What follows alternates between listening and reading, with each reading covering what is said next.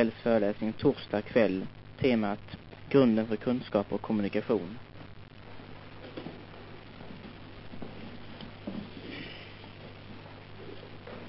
Yes, as I said, tonight's lecture and tomorrow night's lecture really constitutes a very tight unity. Som jag redan tidigare sagt att kvällens och morgondagens lektioner tillsammans utgör en mycket nära sammanhängande enhet. Two nights ago, we considered the modern man's problem in the area of metaphysics and the Christian answer. För kvällar sedan såg vi på varandets problem och det kristna svaret på det. And then last night, we studied the modern man's problem in the area of morals and the Christian answer. Igår kväll såg vi på den, männi- på den moderna människans problem när det gäller moraliska frågor och det kristna svaret på det. But this problem of epistemology is really so basic that I've divided it into two lectures. Men det här problemet med kunskapsteorin, det är så grundläggande att jag har delat upp det i två hälfter. So therefore, tonight it will be the modern man's problem in the area of epistemology. Så ikväll är det den moderna människans problem i relation till kunskapsteorin. And then tomorrow night is the Christian answer. Och imorgon kväll är det kristna svaret. So if you're here tonight, you must come tomorrow night. Så om du är här ikväll så måste du komma imorgon. Now, when we come to the problem of epistemology, first of all, let us ask ourselves, what is epistemology? Först då på nytt frågan om kunskapsteori. Vad är det vi talar om?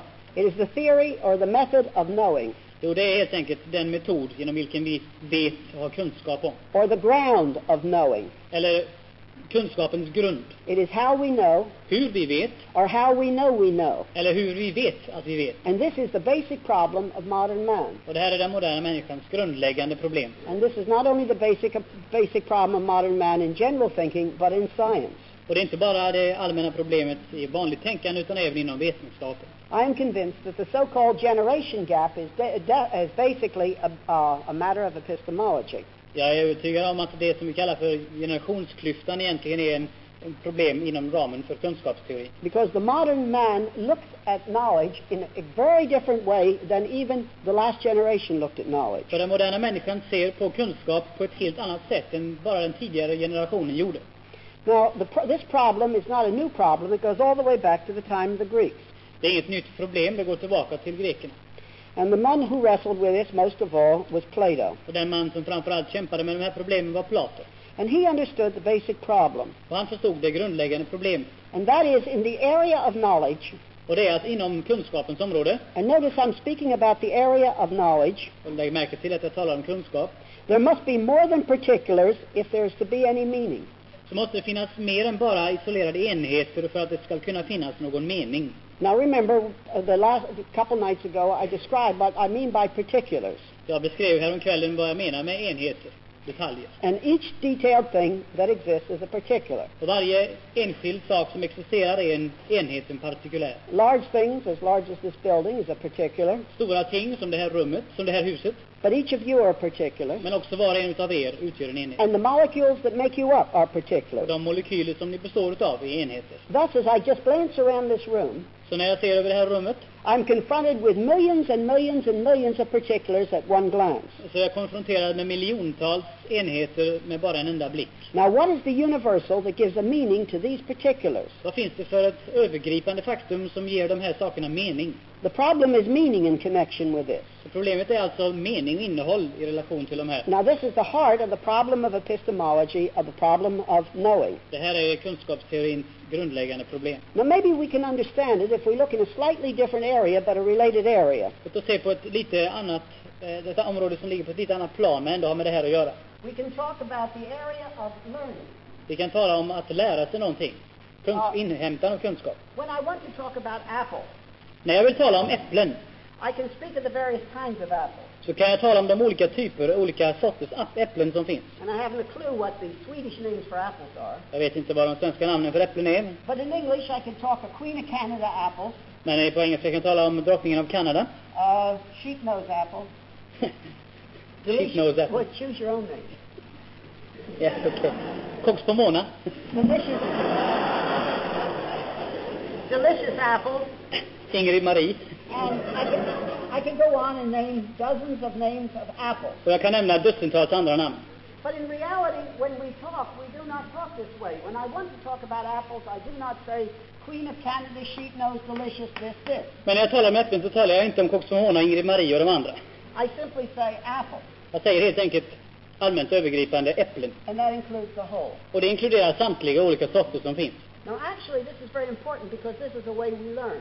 Det är väsentligt det här för vi lär oss saker och ting på det här viset. It's the way we talk, Det är det sätt vi talar på but it's the way we learn, och det är också det sätt vi lär oss på. and the way we know. Och det sätt vi har kunskap om saker och ting Now I på. could come to different kind of pears Låt oss nu komma till olika sorters päron and name, name it a hundred different kind of pears. och nämna hundra olika sorter. But instead of that, I say pear. Men istället för det så säger jag päron And then I could name grapes och vindruvor and oranges. och apelsiner. And in all these, I just use one word to tie them together. Och för att liksom eh, binda samman alla de här olika, i och för sig, typerna så nämner jag dem med samlande namn. And then I call them all fruit, Och sen så gör jag ett övergripande be- beteckning av dem och kallar dem för frukt. and I tie it all together. Så jag binder ihop dem ännu närmare varandra. Now that's the way a child learns. If you watch the way a child learns, that's the way a child learns. Det är på det viset som ett barn lär sig någonting.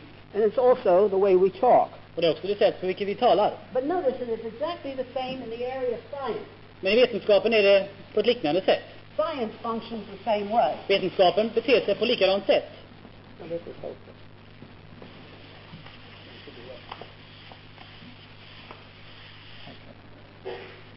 Now when we have, in the area of science, På vetenskapens område I have certain phenomena, så har vi vissa fenomen.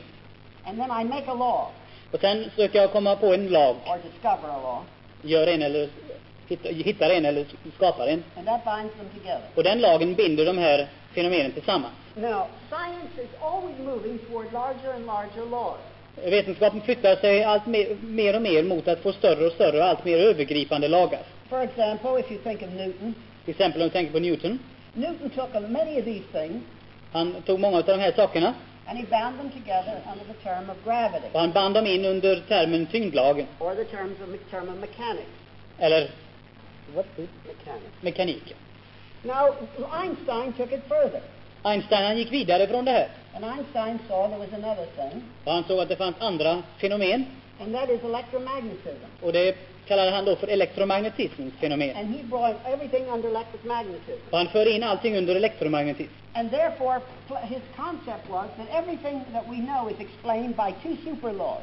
Så allting som vi har kan förklaras utifrån två överlagar så att säga. um, electromagnetism and gravity. Elektromagnetism och tyngdlagen. And the whole attempt is to find another thing that can bind these together. Och det man är ute efter att hitta det är någonting som sambinder de här två. So science is always moving, just like naming apples, from particulars to universals. Så vetenskapen, precis som äppelkännaren, de flyttar sig från att tala om de mindre enheterna till de större och till de övergripande. And if you really want to understand something profound, Om du verkligen vill förstå någonting grundläggande you want to understand that this is, uh, this is really the way we know.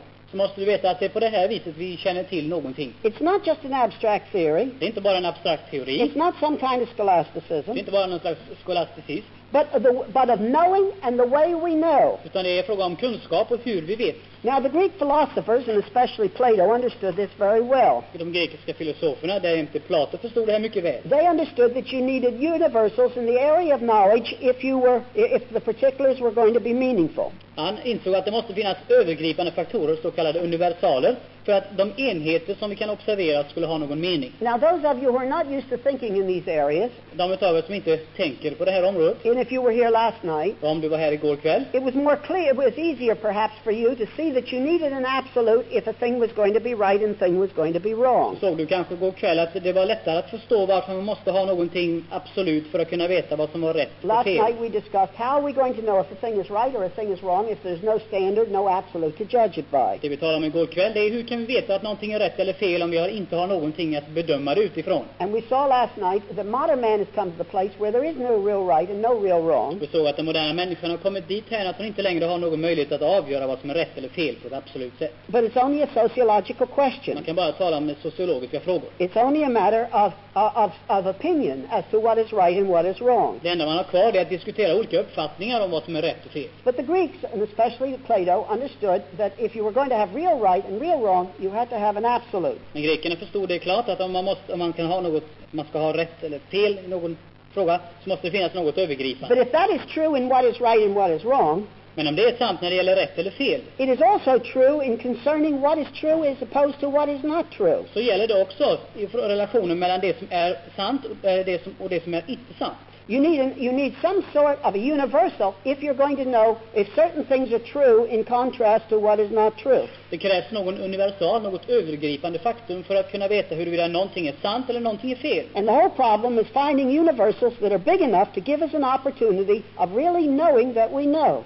Och det vi behöver det är övergripande faktorer som är tillräckligt stora för att verkligen kunna ge oss övertygelse om att vi vet någonting. Now, Plato put forth a concept, Plato föreslog ett begrepp. and he says there are, so- there are ideals Och han sa att det finns ideal, or ideas. eller idéer.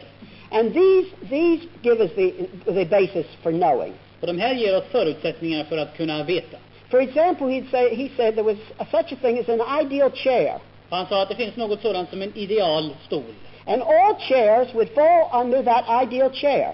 Och alla andra stolar skulle då komma under ramen av den här idealistiska stolen, den ideella stol vi kan tänka oss. So a chair is a chair if it falls under the universal of the ideal chair. Så en stol är verkligen en stol om det passar den förebild av den ideala stolen som vi har. And anything that does not fall under that absolute, Plato then would say is not a chair. Och det som inte då faller under den beskrivningen utav en absolut stol som vi har tänkt oss är då ingen stol. Now, the question is, how are you going to establish this? Hur ska man nu få reda på det här? And the Greeks went through two steps. Och grekerna gick då igenom två steg så att säga. Some of the Greeks said, let us have it, let us find the answer uh, concerning of these things in the polis, the Greek word Och en, de, polis. och en del utav dem sa låt oss finna det här i staten. Alltså. Now, the, the word, Greek word polis really means city.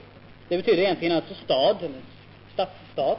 But actually, they used it as a wider sense of society. Men de använder det bredare begrepp som talade om samhället med det här begreppet. They said, let society pr- uh, provide the absolute. De sa låt samhället ställa fram dessa absoluta övergripande värderingar. But they very quickly were wise enough to see that this would not work. Men mycket snabbt kom de på att det här skulle inte fungera i längden, As I pointed out in the first lecture, som jag sa första kvällen. they were left with only 51% of the vote, Det enda de hade kvar var 51 procents röst. or a small elite that would say, give the absolute. Eller en liten elit som skulle då ställa fram dessa övergripande And most värderingar. of you know anything about Plato, know, put forth, know that he put forth the concept of the philosophic, philosophic, or, philosophic kings.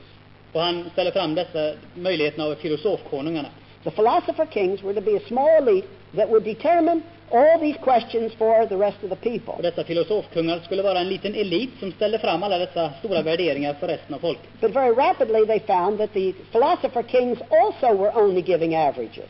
Men snart kom de på att dessa filosofkonungar så att säga också bara gav genomsnittsvärden. And the philosopher kings were not able to give the universals. Så de kunde inte ge några universaler, några övergripande värden. So the Greeks then took the next step, Så grekerna gick ett steg längre. and they said the universals are in the gods. Och de sa att dessa universaler, de finns i gudarna. But the difficulty is the Greek gods are very small gods. Men problemet med de grekiska gudarna var att de var ganska små. The Greek gods were not big enough to, get, to provide the universal. De var inte tillräckligt stora för att kunna ge övergripande fakta. It is true that in, re, in contrast to the Eastern gods, they were personal gods, I relation till österländska gudar så var de personliga, but they were very small gods. men de var mycket små.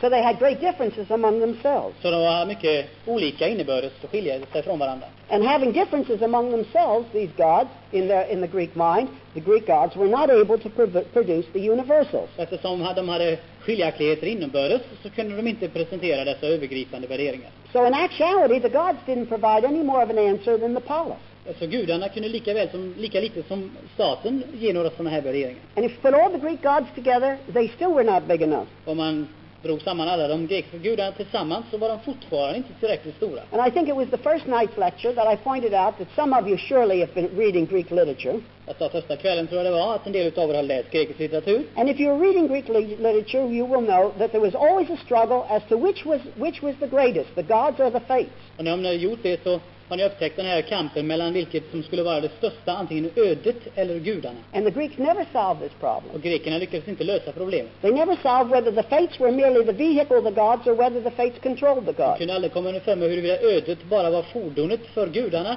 eller om det var gudarna som var det. And för this, ödet. is, this was not only in the area of morals, but in the area of knowledge. För det här var inte bara på moralens område, utan även inom kunskapens område. The gods were not big enough in, in the area of knowledge. Gudarna var inte tillräckligt stora för att kunna ge kunskap. And so therefore we see that both Pla- but Plato failed.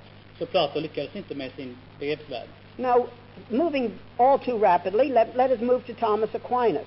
Vi rör oss snabbt fram genom tiderna fram till Thomas av Aquino. And some of you have read my book, Escape from Reason. En del utav er har läst flykt från förnuftet. And I've there spent a lot of time on Thomas Aquinas. Och jag tillbringar mycket tid med Thomas Aquinas. Now, Thomas Aquinas lived after the Byzantine world. Han levde i den efterbysantinska världen. And in the Byzantine world, there was no interest in nature.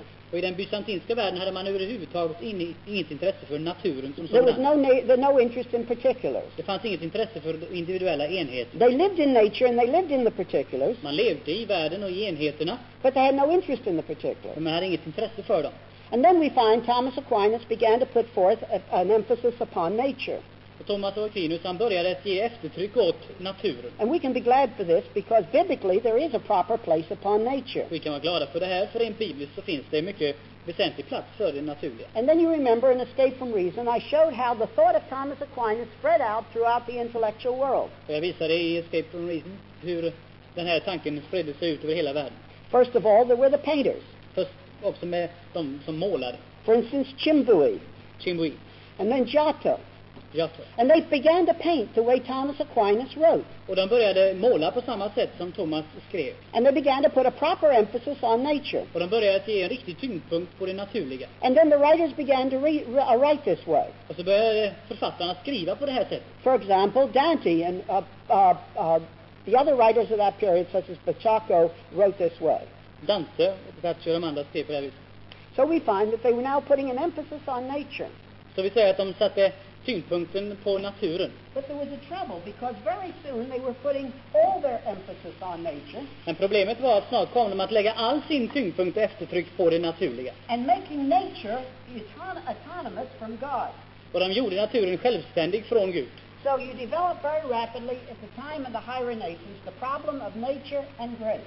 Så du har i högrenässansens tidevarv ett problem med nåd, så att säga, på ena sidan av strecket och natur på den andra. Now you mustn't become confused at this place and think of grace as though it were a Christian concept of grace. Jag använder inte begreppet nåd som det bibliska begreppet eller det kristna begreppet. It isn't that. Det är inte det jag menar. It's that, that these are the natural causes. Det är att det under linjen är de naturliga and orsakerna this- these are the supernatural causes working on the nature. och det är de övre, där är det de övernaturliga som arbetade på naturen. This is in con- relationship to the individual man, this is the body, I relation till människan så är den nedre delen där kroppen and this is the soul. och det övre är då själ. But eventually, no matter how many things you put in this nature and grace d- uh, division, Hur mycket du än inplacerar i de här olika facken, eventually you come to the problem of particulars and universals. slutligen så har du fortfarande kvar problemet med enheterna och universalerna, de övergripande fakta. So in the High Renaissance, what you did was to develop a tremendous problem of nature and grace, Så i högrenässansens tidevarv så fick man ett väldigt problem mellan det här nåd och natur, så att säga. which rapidly uh, became the problem of, of particulars and universals. Som blev naturligtvis problemet då i relationen mellan enheterna och universalerna. So in one way, we can be glad for the work of Thomas Aquinas Så vi kan vara å ena sidan glada åt Thomas av Aquinos arbete, because it brought nature into a more proper place. för det gav naturen, skapelsen, en mera vettig plats. But as they rapidly made nature, per- uh, the particulars, autonomous, these, uh, the universals began to lose all meaning. Men därigenom att man gjorde naturen självständig så förlorade universalerna sin betydelse. Now, actually, actually, therefore, the problem of modern man goes right back to the High Renaissance. Så den moderna människans dilemma det börjar redan där. So when I Monday night I began the problem of uh, modern man back with the philosophy and science, uh, it had, the High Renaissance has to be ma- taken into account. Så när jag i måndags talade om människans problem, hur det går tillbaka till den här tiden, så måste man också räkna med högrenässansen. Now, there's a principle I would give to you here, Låt mig ge er en princip här som tycks finnas i det här. and that is as we look at human thought, När vi ser på det mänskliga tänkandet, if nature is made autonomous from God, om naturen görs självständig i relation till Gud, Nature begins to eat up grace. så börjar naturen att äta upp det övernaturliga. If nature is made autonomous from God, Om naturen i sig är oberoende av och självständig från Gud, eventually nature will destroy this. så kommer naturen så småningom att förstöra möjligheten av det If övernaturliga. nature is made autonomous from God, Om naturen görs självständig från Gud and the particulars, och enheterna, the universals, are destroyed. så försvinner också universalerna, de övergripande värderingarna. And I don't care how where you go in, in study of human thought, you'll find this to be an absolute rule. Det spelar ingen roll vad du ger dig i tänkandet, du kommer att finna att det här är en regel som återstår. It's true in morals. Det är sant när det gäller moral.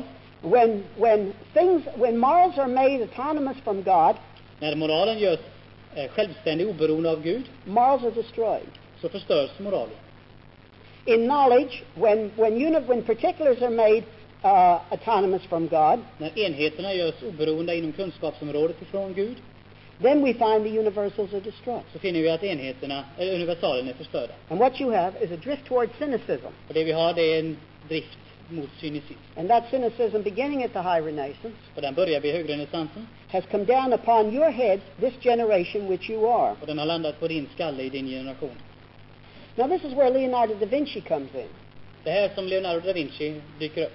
And Leonardo da Vinci is one of the greatest thinkers that ever lived. En av de största tänkarna som någonsin har levat. He was a great universal man, Han var en universalist. and he was not only a painter, but he was a great thinker. Inte bara målare utan han var en stor tänkare också. And he began with rationalism, Han började med rationalism and he saw that if you began with rationalism, och han såg att om du börjar med den, all you would, would have would be mathematics, det enda du hade kvar det var matematik and therefore particulars and no universals, och därför bara enheter men inga universaler. so you would end with mechanics. Så det enda som fanns kvar det var mekanik. Now, it's fascinating that this man living all these hundreds of years ago understood exactly where your generation was going to end up. Intressant att märka att denne man som levde för hundratals år sedan såg vart vår egen generation skulle komma. You must understand that Leonardo da Vinci was not only a great artist and a great thinker, but he was the first modern mathematician. Han var inte bara den första, en stor tänkare och en stor målare, han var också den första stora matematikern. And he really Modern understood mathematiker. the dilemma. Och han förstod verkligen problemet. I just say he understands the dilemma sometimes more than modern professors seem Jag to vill säga att understand. han förstod problemet kanske mer realistiskt än många moderna professorer gör det. Let me go through it again.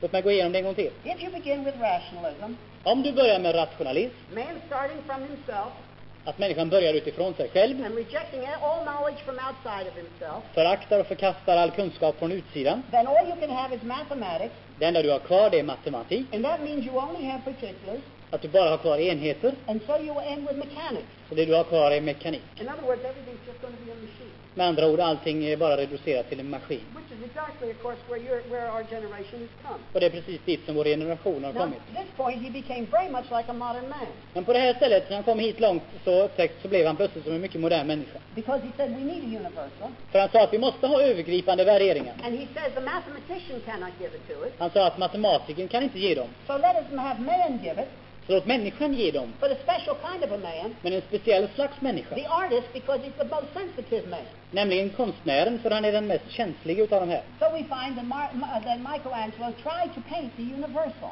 Så försökte Michelangelo måla, eller rita, måla, nedteckna, pränta universalerna. the artist tried to paint the universal. Artisten försökte åstadkomma universalerna genom målning. Now, perhaps you have wondered why Leonardo painted so little. Du kanske undrar varför Leonardo målade så väldigt lite? He painted sketch, he sketched, sketched, sketched, and sketched, Han gjorde skisser till oändlighet, but he rarely painted. men han sällan åstadkom någonting av målningskaraktär. But his sketches were a philosophic concept as well as great works of art. Men hans skisser var filosofiska begrepp likväl som de var ver- sty- eh, mästerverk i teckningen. As, as uh, Plato tried to have an idea of an ideal chair, Så som Platon försökte ha en idé om den ideala stolen, Leonardo da Vinci tried to paint the ideal particular. så försökte Leonardo da Vinci måla den ideala partikulären. So he sketched lots of babies, Så han må- ritade mängder av barn i skisserna. and he was trying to sketch a baby that would include all babies, Så han försökte rita i och för sig en bebis, en litet barn som skulle inkludera alla andra små barn. and it totally failed. Och det misslyckades. But his whole idea was very modern, really, Men hans idé var mycket modern. to try to find some kind of an upstairs answer when the downstairs failed. Att försöka hitta någon slags övervåningssvar när den nedre våningen lämnar in. Now this was really, uh, now the next step that came Nästa steg uh, is what that which I described on my first lecture as the change in science. Det var förändringen inom vetenskapen som jag nämnde den första kvällen. And I must repeat it again because, uh, because it fits exactly in this area of epistemology. Jag repeterar det därför att det passar in i det här problemet med kunskapen. You remember I said that early scientists of Copernic, the early scientists, Copernicus and Galileo and so forth, had a certain epistemological view. Vi såg att de tidigare vetenskapsmännen som Copernicus och samtida, de hade en bestämd syn på vetenskap. And I quoted Alfred North Whitehead as giving this. Och jag citerade Alfred North Whitehead som talade om det här. And this is important because he is not a Christian, Och det är väsentligt därför att han inte är kristen. but he is a very, he was a, he's a very sharp observer. Men han är en mycket skarp observatör. And he said that all the early scientists up until the time of Faraday, Han sa att alla vetenskapsmännen fram till Faradays dagar, which means right up almost to our own day, nästan till vår egen tid alltså, that all these had a certain view of the universe. Att alla dessa hade en bestämd utgångspunkt för sitt sätt att se på universum. They believed that the universe was created by a reasonable God, De trodde att universum kom till genom en, en förnuftig gud. and therefore you could find out the, u- the, uh, something about the universe by reason. Och därför kunde man ta reda på saker och ting om universum på grund av förnuft. Now, this is profound.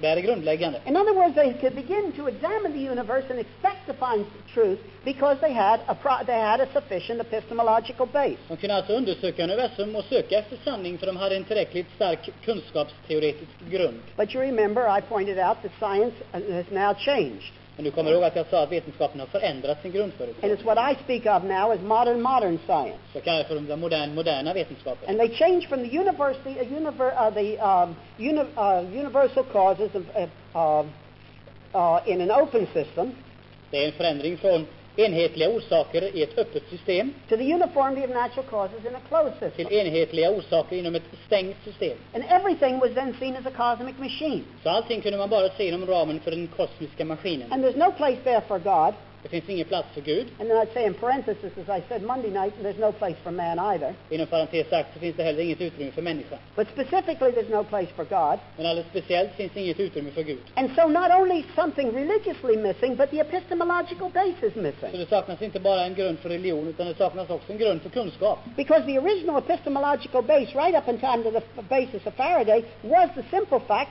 that the universe had been created by this reasonable God. För den grundläggande kunskapsteoretiska grunden fram till Faradays tid det var att universum var skapat av Gud och kunde observeras. And modern man now has the universe, uh, the causes of, uh, in a closed system, Alla orsaker finns nu i ett stängt system för den moderna människan, including, including psychology and sociology. inklusive psykologi och sociologi. So man and everything else is caught in this, in this universal cosmic machine. Så människan är infångad, instängd i den här kosmiska maskinen.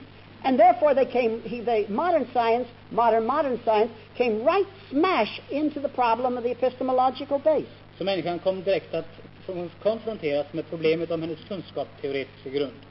In such a case, how are you going to have science? Och på den grunden, vad kan du ha för grund för vetenskap? How are you going to know?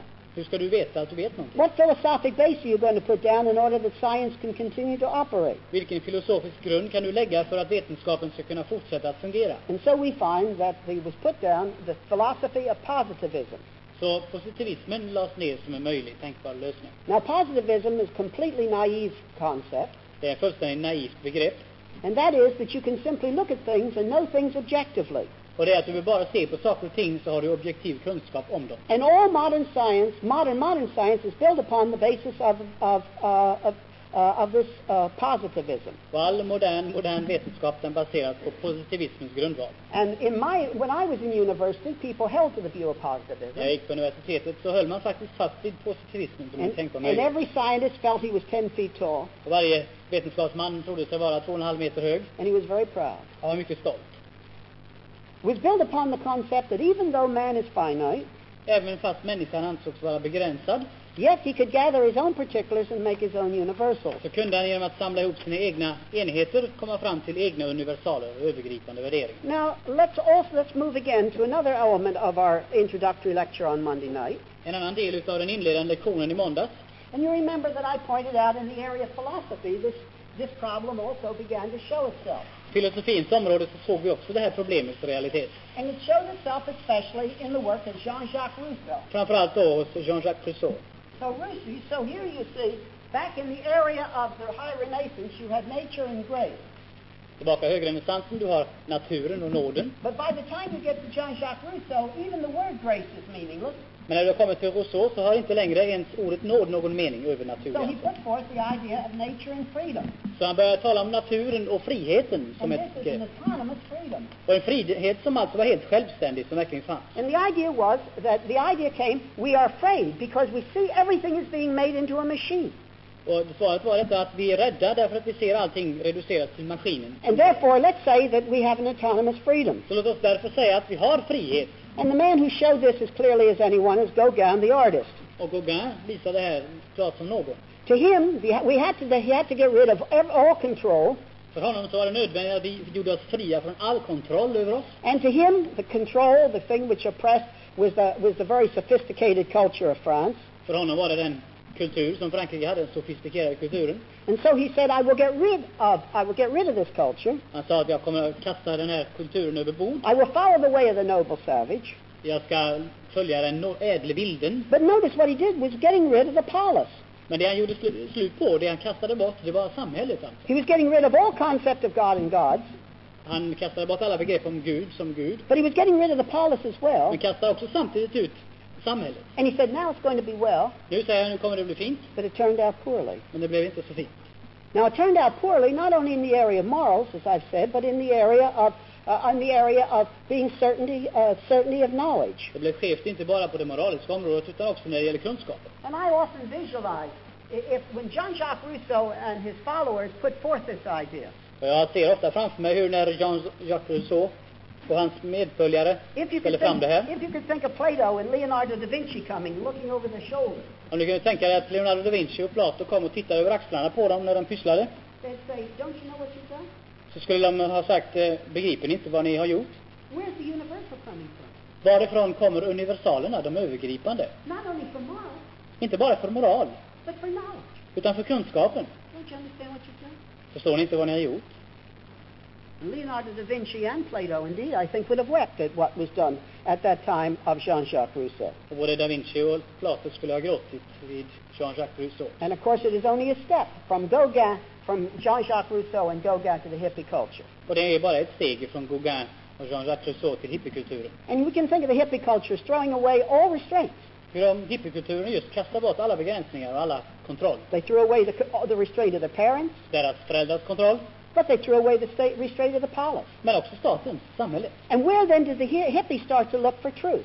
Och var någonstans letar då hippien efter sanning? He began to look for truth inside of his own head. Han börjar leta efter sanning inne i huvudet. Don't you see that all the hippie is is a result of the breakdown of what had been taught in the universities and in the philosophy? Ser du inte att hippien bara är en produkt utav allt det som har konsekvent undervisats i universiteten? These youngsters didn't know where they came from. De visste inte var de kom ifrån. But they came from this long, long, long, long line of, of wrestling in the area of epistemology. Men de är en produkt utav denna långa kamp inom kunskapsteorins område. And where they were left very rapidly was with truth only in their own head. Och det de till slut hade kvar, det var att sanningen var instängd i skallen på dem. Because when you have no universals, För när det inte finns några övergripande fakta längre, you cannot tell the difference between reality and fantasy. kan man inte längre skilja mellan fantasi och verklighet. Well, this is, I'm just, I'm reminding you, this is not theoretical, but I'm, I may be se- seeming to say something is theoretical. It's not theoretical, it's the most practical thing you can imagine. Det kan tyckas sig att jag säger någonting som är ytterst teoretiskt, men det här är egentligen mycket, mycket praktiskt. Now, you also remember, going back to Monday night, Också måndag kväll om ni var här, då kommer ni ihåg. I spoke in the steps of this, of, of Immanuel Kant Jag talade om Immanuel Kant and Hegel, och Hegel. and I'll not repeat that. Jag ska inte repetera det, But I do want to repeat Kierkegaard, men jag vill repetera Kierkegaard. because Kierkegaard continued this. För han fortsatte det här. Here in the High Renaissance, you had nature and grace. I högrenässansen hade du naturen och nåden. With Jean-Jacques Rousseau, you had nature and autonomous freedom. Och Rousseau hade du naturen och friheten. But Kierkegaard and those who follow Kierkegaard carry it to its complete conclusion. Men Kierkegaard och de som följde honom drog det till sin logiska slutsats. And that is, it was reason versus non-reason. Och det var att det var egentligen förnuft mot icke-förnuft. So you see, there is a there is a, uh, a downgrading all the way from the Renaissance. Så det är så att säga en nedåtgående kurva ända från renässansen. You now come to the place instead of nature and freedom of reason and non-reason. Så istället för att ha natur och frihet så har du nu bara förnuft mot icke-förnuft. And in the thinkers after Soren Kierkegaard, Och de tänkare som följer Kierkegaard, as I said on Monday night, reason leads to pessimism. där sägs det då också att, att ö, förnuftet leder oss bara till pessimism. So they tried to find optimism, Så man försöker finna optimism, but always in the area of non-reason. men alltid bara inom området där det inte But längre you går have gone in a förnuftsmässigt big att circle. mötas. Så man har en stor cirkel och kommer And at the tillbaka High till det. Renaissance and at the uh, point of the Enlightenment, man was very sure that his reason was going to produce universals. Och, lika väl, och i renässansen såväl som längre fram så trodde man definitivt att man skulle komma fram till övergripande värderingar på det här viset. But by the time you th- come to this place, the only hope of universals is non-reason. Men när man kommer hit här nu, då upptäcker man att det enda hoppet om mening och universaler finns inom icke-förnuftets område. In other words, it's been completely reversed. Med andra ord, man har vänt på det hela radikalt. Man finds only things in the area of non-reason that gives him any hope. Så Så det enda som ger människan något hopp längre, det är att finna inom irrationalismens område. And that again is not just in the area of morals, Och inte bara på det moraliska området, but it's especially in the area of meaning. utan sp- framförallt då inom meningens område. And young people began to take drugs to hope to find meaning when reason had brought them to a dead, to a dead stop. Så människor började ta droger, unga människor framförallt, för att försöka hitta någon mening när förnuftet hade sagt stopp. And as I pointed out on Monday night, this is exactly what Aldous Huxley taught. Aldous Huxley var den som definitivt undervisade det här. And they sought for something in their head De letade efter någonting inne i huvudet, because they were not certain of anything out there. för de kunde inte vara säkra på någonting utanför huvudet. Now this is the youth, this was the pla thing that happened at the youth culture. Det var det som hände i ungdomskulturen.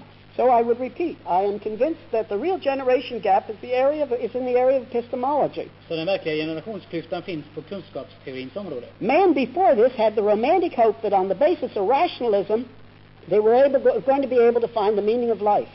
Människan hade den förutsättningen att när det fanns rationalism att man skulle kunna hitta mening i livet. They had the hope that they were going to be able to find universals to put over the particulars. De hoppades finna övergripande för att hitta mening i partikulärerna. But on this side of Rousseau, Kant, Hegel, and Kierkegaard, this has been completely given up. Men insides av Hegel, Kant och Kierkegaard så har man gett upp det här fullständigt. The modern generation does not believe that truth exists. Den moderna generationen tror inte att det finns någon sanning kvar. So therefore, this is why in my books I speak of true truth when I speak of truth. Så när jag talar om sanning så talar jag om sann sanning i mina böcker. And this is not a tautology, Och det här är inte en tautologi. because if we would have to use some such word as that, Vi måste använda något sådant ord. because when you're talking to this generation, truth is only something in the head up here. För när du talar till den här generationen som du lever i och talar om sanning så talar du om bara någonting som försiggår inne i skallen. And therefore, it is the exact opposite of what, intel- what intellectual thinkers of the past meant by truth. Så därför är det något helt annat än vad intellektuella tänkare tidigare ansåg vara sanning. So what was called truth before now does not exist Så det som tidigare kallades för sanning existerar inte längre with modern man. med den moderna människan. And we find, therefore, he uses the word truth in a way that no longer means truth. Så han använder begreppet sanning i en betydelse som inte längre innebär sanning. So I invented the term true truth because I wanted to mean truth. Så jag tittade på begreppet sann sanning, för jag ville ställa fram sanningen. So now man has come to the place where he doesn't see, he sees himself as a zero. Så människan har kommit dit här att de ser sig själv som en nolla. The individual man is only one particular among millions of particulars, Den individuella människan är bara en enhet i mångmiljontals enheter. and he finds no meaning for himself. Han hittar ingen mening för sin egen existens. And man looks up and suddenly he is dead. Människan ser upp, vaknar upp och upptäcker att han är död. And so therefore man makes leaps and up here to all kinds of mysticism Så människan är tvungen att skutta upp här i all möjlig slags mystik för att hitta mening. to try to find meaning. För att hitta någon mening. But notice he didn't do this in, as an optimism. Han gjorde det inte utifrån en optimistisk sta- The ställningstagande. modern man's way of thinking was, was born out of desperation. Utan det föds ur förtvivlan och desperation. It was born out of desperation because reason, on the basis of rationalism, had brought him to a dead end. Det kommer ur pessimismen och förtvivlan därför att förnuftet hade lett honom fram till att det var bara ett slut, ett död punkt. And again, let me redefine rationalism. Låt mig definiera rationalism på nytt. Rationalism is man beginning from himself, Det är att människan börjar från sig själv, though he is finite, trying to find enough, part- trying to find universals out of himself, fast när han är begränsad försöker han hitta tillräckligt med enheter från sig själv. and rejecting all knowledge, and specifically all knowledge from God. Det hittar universaler och ändå förkasta all kunskap ifrån Gud. So we find that man, modern man, is really the mystic. Så vi upptäckte att den moderna människan är verkligen mystiker. And that's where this topic comes in here, man is the mystic. Och det är där som det här ämnet kommer in, människan som Your mystiker. generation is a, a generation of mysticism. Er egen generation är en mystikernas of generation. Trying to find meaning up here. Försöker hitta någon mening i den övre våningen. But a different kind of a mystic than any mystic that's ever lived before. Men en helt annan slags mystiker än som jag någonsin sett tidigare i historien. Every mystic before began with the assumption that there was somebody there to be in relationship to, or something there to be Alla in tidigare relationship mystiker to. började med den förutsättningen att det fanns någon där utanför med vilken man kunde ha ett förhållande. But modern man has become the mystic only with mystical feelings inside of his own head. Men den moderna människans mystik, mysticism består där i att han har bara mystiska känslor inne i huvudet. That was the drug. co- That was the drug scene. Och det var drogkulturen. Trying to find truth inside of their own head. Försöka hitta sanningen inne i huvudet. But this is the religi- Eastern religious scene too. Men det är också den österländska religionens situation. Trying to find truth within their own head. Försöka hitta sanning inne i huvudet. This is the transcendental thought scene too. Det är den transcendentala meditationsscenen lika väl. Just trying to find truth within their own head. Bara försöka hitta sanningen inom sig själv. Now let us turn our attention to positivism. Låt oss se ett ögonblick på positivism. Because as I said, positivism was what science said it would function on after it threw away the concept uh, that we can know about the universe because it was created by a reasonable God. Positivismen är det som var kvar medan vetenskapen sa att vi måste göra oss av med rationalism, vad de säger. eh, They- När de hade kastat ut Gud genom fönstret, så är det. Så är det. det som var kvar, det var positivismen och efter det skulle vetenskapen fungera. But gradually positivism died. Men positivismen dog gradvis. For those of you who are taking notes and you want to read a scholarly book on why it died, Om ni som tar ner anteckningar vill, vet, vill läsa en bok som ger er skola- verkligen lärda anledningar till varför det dog, you should read the book by Michael Polanyi ska ni läsa Michael Polany's called Personal Knowledge, bok som kallas Perso- Personal Knowledge, personlig kunskap, An Introduction to Postcritical en Philosophy. introduktion till efterkritisk filosofi. Michael Polanyi is one of the world's great thinkers, Polanyi är en av världens stora tänkare and he killed positivism och han tog död på positivism because he pointed out the central problem of positivism. för han satte fingret på det centrala problemet. Positivism says that we simply can know the object objectively. Positivismen sa att vi kan veta, lära känna saker och ting på ett objektivt sätt genom att bara se på dem. And, but today there's probably not a chair of philosophy in the world in big universities that is teaching positivism. Men det finns inte knappast någon filosofisk fakultet som undervisar positivism längre. It is now only held by the naive scientist Det är bara den naive vetenskapsmannen som håller fast vid det. or by the undergraduate that doesn't realize that positivism is dead. Eller den studerande som inte begriper att positivismen är död. Now, why is that? Where did it die? Var dog den någonstans? It died because Polanyi pointed out that it assumes that the it assumes a neutrality on the part of the observer. För Polan- eh, det Polanyi visade det att den positivismen dör därför att den anser att observatören han är neutral i relation till det han observerar. Now, when I was studying physics in university, Jag studerade fysik på universitetet. it was considered that you could just do these th- do your experiments objectively. Så ansåg man att man kunde göra alla experiment objektivt. But beginning at Oxford University a number of years ago, it was pointed out that this was a fa- this was this was false. Men när jag började på Oxford för många år sedan så visade det sig, och det ställdes klart framför mig, att det var en felaktig ståndpunkt. You never have science without an observer. Det finns aldrig någon vetenskap utan en observatör. The observer arranges the experiments. Observatören arrangerar experimentet, He reads the results of the experiments, han läser och avläser resultatet av experimentet and he comes to the final conclusion. och han drar själv slutledningarna. And Polanyi points out that the knower is never neutral. Och för han ska visa det att den som observerar är aldrig neutral. He always has his own presupposition. Han har alltid sina egna förutfattade meningar eller He always has förutsättningar. his own grid through which he feeds the things which he observes. Han har alltid sitt eget filter genom vilket han låter kunskapen filtrera innan han gör slutledningen. And so the concept of a completely innocent objective observer is totally naive.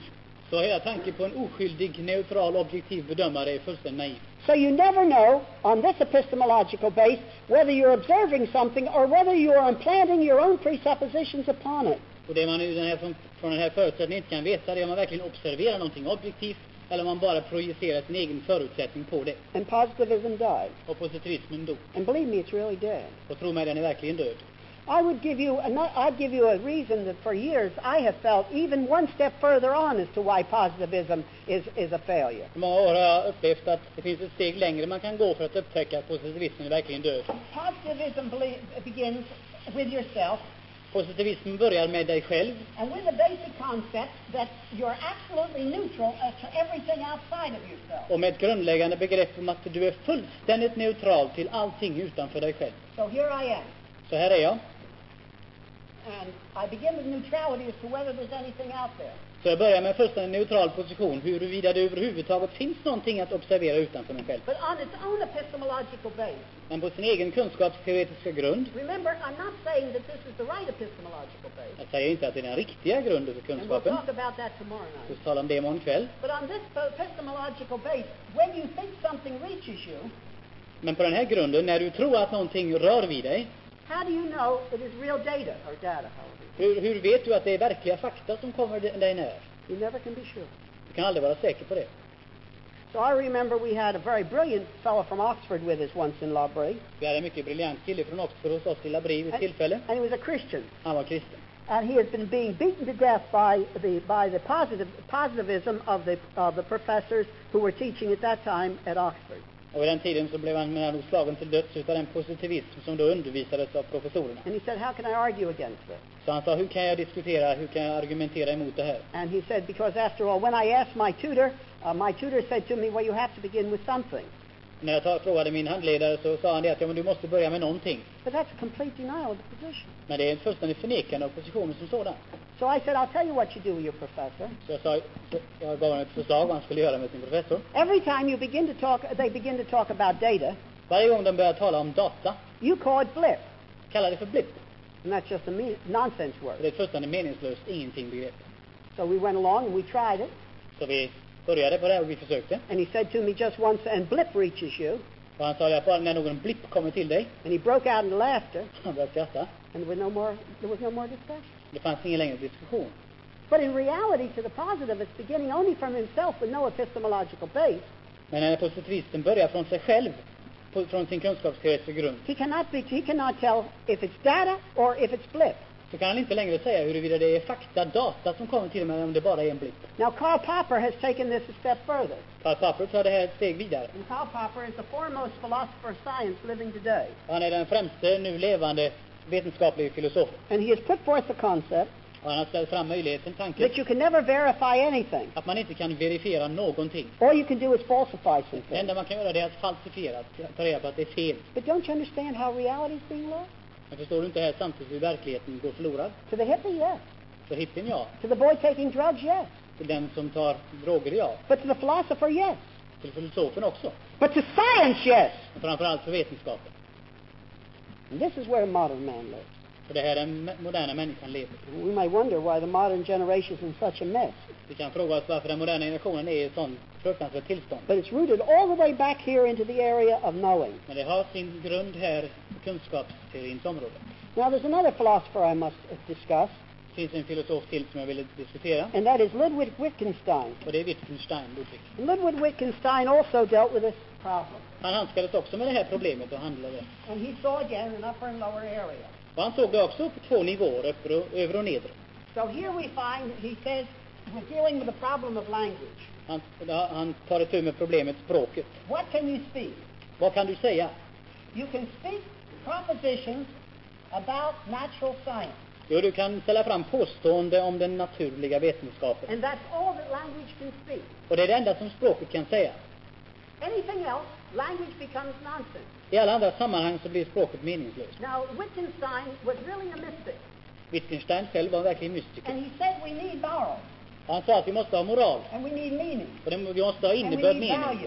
Och vi vill ha värderingar. But when I listen, beginning from a rationalistic base, Men när jag börjar lyssna från en rationalistisk grund, all I hear is silence. det enda jag har här uppe är tystnad. För det är död. Now, what does this remind you of? Vad påminner det här om? Well, being Swedes, you ought to remember Bergman's film.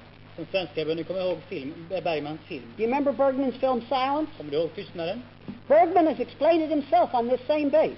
Bergman har själv förklarat det på just den här grunden. On beginning from himself Börjar från sig själv, and beginning from all, all his own base, börjar från helt och hållet sina egna förutsättningar. he has listened to the universe, Han har lyssnat till universum and on his own base, och på sin egen grund, all there was was silence. allt som fanns var tystnad. Now, I'm not making this up about Bergman's film. Jag behöver inte konstruera det här om Bergman. This is his own Det explanation. här är hans egen förklaring. So what Bergman put into film, Wittgenstein previously had put in philosophy. Det Bergman la in i filmen, det hade Wittgenstein tidigare plockat ner i And filosofin. in the area of the things that are really important, Och på det området där det verkligen är väsentligt, values, meaning, and so on, mening, värderingar etc. is just silence. finns det bara tystnad. Let me say again, this is where your generation has come Jag säger to. det på nytt, det är hit din egen generation har kommit. What we're left with, therefore, today is two dominant philosophies, Det vi har kvar idag då, det är två dominerande filosofier. and they're both anti-philosophies. Och bägge två är egentligen antifilosofier. There's, there's linguistic analysis following Wittgenstein, Det finns den lingvistiska, den språkliga analysen av Wittgensteins efterföljare and there's existentialism. och existentialism. Existentialism is an anti-philosophy Existentialismen är en antifilosofi. because it deals with the b- big problems, För det rör i de stora problemen, but without reason, men utan förnuft. where linguistic analysis reverses the problem. Språklig analys går tillbaka till det andra problemet, vänder på det. It deals with reason, Har att göra med förnuft, but it never reaches the big problem. men det kommer aldrig fram till de verkliga problemen. Because in linguistic analysis, language does not lead to, to uh, values. För språket ger inte några värden. Language does not even finally lead to facts. Språket leder inte ens fram till fakta. In linguistic analysis, language leads only to language. För språk leder bara fram till språk i den språkliga analysen. So all you have is words, words, words, words, and words. Så det enda du har det är ord i oändlighet. Now, one more man, En man till, and that is Heidegger, Heidegger. because surely some of you have been reading Heidegger's works. Jag förväntar mig att en del av er har läst Heideggers verk. Heidegger, when he was an existentialist, När han var existentialist put forth the concept that there's anxiety, angst in the universe, så talar han bara om ångesten i universum. and therefore maybe there's something that has meaning. Så kanske finns det på grund av ångesten någonting som har mening. Then later he saw this wasn't going to far go, Sen såg han längre fram att det här skulle inte fungera. so the old man Heidegger put forth a new concept. Så som gammal man så ställde han fram ett nytt begrepp. If you want to read about it, he put it forth in the concept of what is philosophy. Han ställde fram det under begreppet under formen Vad är filosofi? And what we find him saying is, all you can do is listen to the poet, Så han säger att det enda du kan göra slutligen är att lyssna på poeten. but not the content of what the poet says, Men inte det han i själva verket säger som poet i det han säger. but only that the poet speaks. Utan det enda du kan lyssna på det är att poeten talar. And therefore, but you can hope there is some meaning in the universe, Och därför att poeten talar kan du hoppas på att det finns någon mening i universum. but it has nothing to do with the Men content. det spelar ingen roll vad han säger. Now, what is was absolutely, what is absolutely, what is absolutely intriguing, therefore, is Wittgenstein and Heidegger have both dealt with language, Wittgenstein och Heidegger, båda som arbetade med språket, but in exactly opposite men ways. i helt olika riktningar. Wittgenstein says that you can only speak down here, Wittgenstein säger att du kan bara tala effektivt här nere and you end up only with natural science and man as a machine. och det enda du har kvar är nat- naturlig vetenskap och människan som And maskin. up here there's silence. Och här uppe är det tystnad. We find that Heidegger reverses this and says, just because someone speaks, Och Heidegger säger bara för att någon talar you can hope against all reason that maybe there's reason in the universe. kan du tvärt emot allt förnuft förvänta dig eller hoppas på att det finns någon vettigt här uppe i universum. And for those of you who are philosophers, I'd add a parenthesis, and the rest of you don't have to listen. För er som är filosofer, och för er andra, ni kan stänga av ett ögonblick, And that lägga en is, parentes. and that is Heidegger invented a whole, a whole a fanciful uh, theory to support his position. Heidegger det kom fram med en, med en helt fantastisk teori för att stödja sin position. And that is that back there, long ago before Aristotle, Eller Långt tillbaka i urtiden, före Aristoteles, the universe spoke with a golden language to man så talade universum med ett gyllene språk till människan in a kind of a first-order experience. i en slags förstarangsupplevelse. Uh, history of science just disproved it completely. Historien och vetenskapen förnekar naturligtvis det, But having said this, he put this forth in desperation. men det här sa han på grund av förtvivlan. But I want you to notice something it's in preparation for tomorrow night's lecture, Men i förberedelse för imorgon kväll and that is that lingua, uh, Wittgenstein and Heidegger dealt with language in opposite ways, att Hei- eh, Wittgenstein och Heidegger handskades med språket på motsatta sätt. but both of them saw that, there were, that it sent the problem centered in language. Men bägge två såg att problemet låg inom språkets ram. And both of them saw eventually that the real problem was whether is there is anyone who is adequately there to speak. Och det verkliga problemet som bägge kom på det var frågan om huruvida det fanns någon där ute som var adekvat att tala. So the interesting thing, these two men that sound so different Dessa två män som låter i och för sig så olika, actually aren't so different after all. är de inte så olika i alla fall. Now here, where are we left therefore? Så var står vi någonstans då? Positivism is died. Positivismen har dött. We're left with the anti-philosophies of linguistic analysis and, uh, and uh, Och existentialism. det vi har kvar det är antifilosofin utav den språkliga analysen och utav existentialism. And where does this bring us? Och vart för det här Well, framåt? consider Polanyi himself, Vad säger Polanyi? this man of t- titanic intellect. Den här mannen med sitt titaniska intellekt. He's an old man now, Nu är han en gammal man, but brilliant. men fortfarande briljant. And he destroyed positivism. Och han förstörde positivism. And what did he have in the area of Och epistemology? vad hade han som kunskapsteori? Cynicism. Cynism. Cynicism about knowing. Cynism, att överhuvudtaget kunna veta någonting. Cynicism about knowing what? Att veta vad då? Cynicism about knowing anything. Cynism är det att veta någonting överhuvudtaget. So modern man, beginning with such a proud way, Så den moderna människan som börjar i en sådan stolthetsposition has come around in a circle where now he is not sure what he knows at all. har kommit runt cirkeln till en plats där han inte längre vet om han vet någonting. And science itself is floating six feet off the ground. Och vetenskapen flyter två meter över marken. Modern man is left in this place. Så den moderna människan sitter i den här positionen. And those who have been raised in the last two decades Och de som har vuxit upp i de två sista decennierna, are men who are exactly in this place. det är människor som är precis på den här platsen. Now, as we come fir- one step further, ett steg längre fram, We see then this is the problem of modern man. så ser vi att det här är den moderna människans problem. In the downstairs, he sees himself only as a machine. Nedre våningen är han bara en maskin. Even in language, you can't talk about anything except your machineriness, if I could use that word. Inte ens i språket kan du tala om någonting annat än din maskinlighet. It's the only area for the use of language. Det är den enda användaren för språket som du finner. But in the area of the non-rational, he's left without categories. Men i det irrationella området har du inte längre några kategorier. Categories in any area. Kategorier på något som helst område. Because categories always have to do with reason. För kategorier har alltid att göra med förnuft. So what we find is modern man is left down here as the machine, Så den moderna människan är här nere under strecket and even language och till och med språket.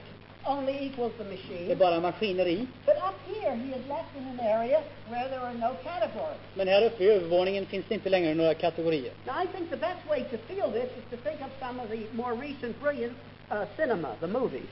Och det bästa sättet att få reda på det här är att se på några av de eh, nyligen framställda filmerna. One of the most brilliant films that have ever been made is Antonioni's Blow Up, En av de mest briljanta filmerna som har gjorts det är Antonionis Blow Up. and it was a completely philosophic film. Det var en rent filosofisk film. And for those of you who saw it, you remember it was a, uh, it was a photographer, Och en del av oss såg den kommer ihåg det var en fotograf. and he was just running around Och han sprang omkring taking pictures, click, click, click. och han tog bara bilder. And this is a picture, a perfect picture of man with no categories. Och det är en fantastisk bild av människan utan kategorier. He's not making any judgments.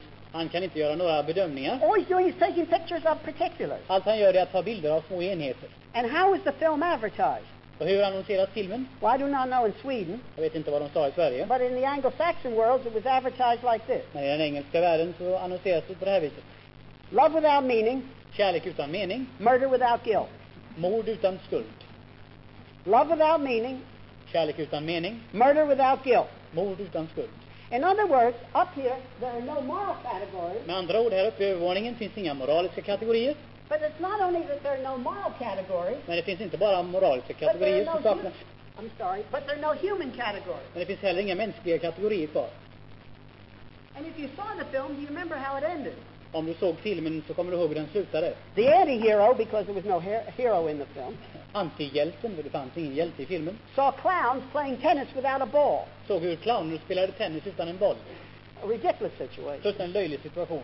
And then one knocked the ball over the net, the ball that wasn't there. Och en av dem slog den boll som inte fanns över nätet. So he picked it up Så han tog upp den. and he threw it back, the ball that wasn't there. Och den boll som inte fanns kastade han And then there was tillbaka. a great reverse zoom shot. Och sen var det ett, ett, ett bildperspektiv som drog tillbaka, alltså som gick i motsatt riktning. And the hero got, the anti-hero got littler and littler and littler and littler. Och antihjälten blev mindre och mindre och mindre. He just, Och så försvann han. and Antonioni was saying, that's where you are. Antonione sa med sin film, där är du. Down here you're a machine. Här nere är maskin. Up here there are neither moral categories nor human categories. Här uppe varken moraliska kategorier eller mänskliga kategorier. What a profound statement. Grundläggande påstående. But let us understand an absolutely truly one, a true one for modern man. Men för den moderna människan är det ett sant påstående. And it's all, bu- all bound up, it's all, it all is born out of this problem of epistemology. Och allting kommer ur det kunskapsteoretiska området. But let us remember the filmmakers have taken it one step further. Men eh, filmens skapare har tagit det ett steg längre. And the two outstanding fil- the three outstanding films is The Last Year at Marienbad, Och de där framstående filmerna, det är Marienborn, till, eh, Sista året i Marienborn, Juliet of the Spirits, Juliet och andarna and The Hour of the Wolf. och Bergtimmen. And these take it a step further. Och de här tar det här ännu ett steg längre. Because they say not only is there no moral category, För de här säger att det finns inte bara inte moraliska värderingar, kategorier. not only is there no human category, Och det saknas inte bara mänskliga kategorier. there's another set of categories that's gone. Utan det är också en annan kategorigrupp som är försvunnen. Please remember where we are. Kom ihåg nu var vi är någonstans. Down here, man is dead. Här nere så är människan död. So the only hope there is is in this area of non-reason. Så det enda hopp som finns det är här uppe i icke-förnuftets område. But these men are showing that there's no hope in the area of non-reason either. Men dessa män visar att inte ens här uppe finns något hopp. There's no moral category. Inga moraliska kategorier, There's no human category. inga mänskliga kategorier, But there's no category inga kategorier that distinguishes between truth and som error. skiljer mellan fantasi och verklighet. That's gone too. Det är också borta. Person who takes drugs. Person som tar narkotika, a great part of this was, was that there was no difference between fantasy and reality. En stor del av det är det att det var ingen skillnad mellan fantasi och verklighet. But let us remember, let us remember that it's not only the modern man who takes drugs who's in this Men det är situation. inte bara den moderna människan som tar droger som är i den här positionen. It's also the man who is caught in the modern problem of epistemology. Det är också den människa som befinner sig i det moderna kunskapsteoretiska And problemet. that's every one of you, Och det är bara en av er, whether you know it or not, because this is your generation. vare sig du vet av det eller inte, för det här är din generation. So therefore, we've seen there's no moral categories. Så vi har sett att det finns inga moraliska Secondly, kategorier, there's no human categories. inga mänskliga kategorier, Thirdly, there's no categories of reality and fantasy. och det finns inga kategorier som skiljer mellan But fantasi there's och a fourth verklighet. category that's gone, Men även en fjärde kategori är borta. and that's the category of being sure that you know other people. Och det är den kategorin som säger att du kan vara säker på att känna andra människor. Please listen with care now. Lyssna noggrant. The third category is not being sure that what, what is outside of your head. Den tredje kategorin är att vara, inte kunna vara säker på att det som är utanför huvudet. The fourth category is even, even more awful. Men den fjärde kategorin är ännu värre. It's the category of knowing that you can touch somebody inside of their head. Det är kategorin som har att göra med att du kan förstå, vara, komma i beröring med insidan av någon annans huvud. How are we going to be sure in this kind of a world we have described Hur kan vi i den värld som vi har beskrivit vara säkra på that you're in contact with, the, o- with another person att du överhuvudtaget har kontakt med en annan människa? and not just in contact with a language machine? Och inte bara kontakt med en språkmaskin. Now, this was brought into, co- brought into my attention very forcibly a number of years ago in La Brie. För en del år sedan i Labris så kom det här till min kunskap. We had a couple come to La Brie, Det kom ett ungt par till oss, a very brilliant modern couple, mycket briljant och moderna människor. and we put them in one of the chalets, Och de fick en av kockarna där. and they talked all night. Och de pratade hela natten. They kept everybody awake. Och alla var vakna omkring dem. And we in La Brie tried to be patient. Vi i Labri vi försökte ha lite tålamod med But de the här. next night, they talked all night. Nästa natt, hela natten, de satt och pratade med varandra. And it kept on and on and on and on. Och det fortsatte natt efter natt efter natt. And I had a question to ask myself. Och jag frågade mig själv, What are they talking about all vad night? pratar de om hela natten? And then as I got to know them, I found out. Och när jag lärde känna dem så kom jag på vad det var. These people had no one else in the universe to set universals. Dessa två människor hade ingen i universum som kunde ge dem övergripande värderingar. They had no God. Det fanns ingen gud, They had nothing of the supernatural world. ingenting av en övernaturlig värld. So they were left to themselves. Så de var utelämnade åt sig själva. And in order to be sure that they were in contact with the other, Och så att de skulle kunna vara säkra på att de hade kontakt med varandra they had to talk and talk så var de tvungna att prata och prata och prata in order to say one exhaustive sentence. så att de skulle kunna säga en helt uttömmande mening. And they never could. Och det lyckades de inte med. So they were completely alienated one from the other. Så de var fullständigt främlingar för varandra. What an awful, awful place. Vilken fruktansvärd plats att befinna sig på. Do you know Gio- Giacometti's statue? Gio- Giacometti. Känner ni Giacomettis staty? Well, that's what his picture. Det är hans stil. And you must understand he lived that way. Han levde på det viset. He was this modern man. Han var den moderna människan. His model tells us that in the last year, the last five years of his life, Hans modell säger oss att de sista fem åren av sitt liv he never spoke a word to her talar han inte ett ord med henne. except to tell her how to sit or how to sit or stand. Förutom att tala om för henne hur hon skulle stå eller sitta.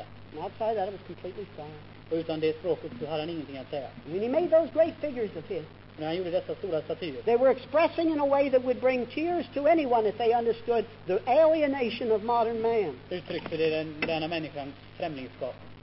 So we find now this is the place to which modern man has come, Vi finner att det är hit som den moderna människan har kommit. beginning from himself, Börjar från sig själv, rejecting all knowledge from outside of himself. förkastar all kunskap från utsidan. He has come to the place in which he has no, downstairs he is only a machine, Han kommer till en plats där på den nedre våningen bara återstår en in maskin. which his language only leads to language. I vilket språk bara leder till mera språk. Upstairs he has come to the place where there's no human category. I den övre våningen har han hamnat på en plats där det inte finns några There's no kategorier. moral category. Inga moraliska There's kategorier. no difference in those categories to distinguish between reality and fantasy. Ingen förutsättning för att kunna skilja mellan fantasi och verklighet. And he's left alone in the world Han är ensam i världen, because he's never sure he's really in contact with another human being. för han kan inte vara säker på att ha kontakt med någon annan mänsklig varelse. And this is where modern man has come to. Hit har den moderna människan kommit. And I would just say for those of us who are Christians, För de utav oss som är kristna skulle jag vilja säga, what an awful place to come to. vilken fruktansvärd position att When man komma has been till. made by, by a personal God. När, Gud är, när människan är skapad av en personlig Gud. And he's meant to be in a vertical relationship with the God who is Och there. Han skulle ha ett vertikalt förhållande med en Gud som verkligen finns där. And then in a horizontal relationship with his own Och kind. sedan ha ett horisontalt förhållande med sin samtid och sina medmänniskor. Instead of that, beginning with his proud rationalism, Och istället för det så börjar han med den, denna stolta rationalism. he's, coming to, he, ca- he has come to the place that we have described. Och vi har kommit till den plats som vi har beskrivit.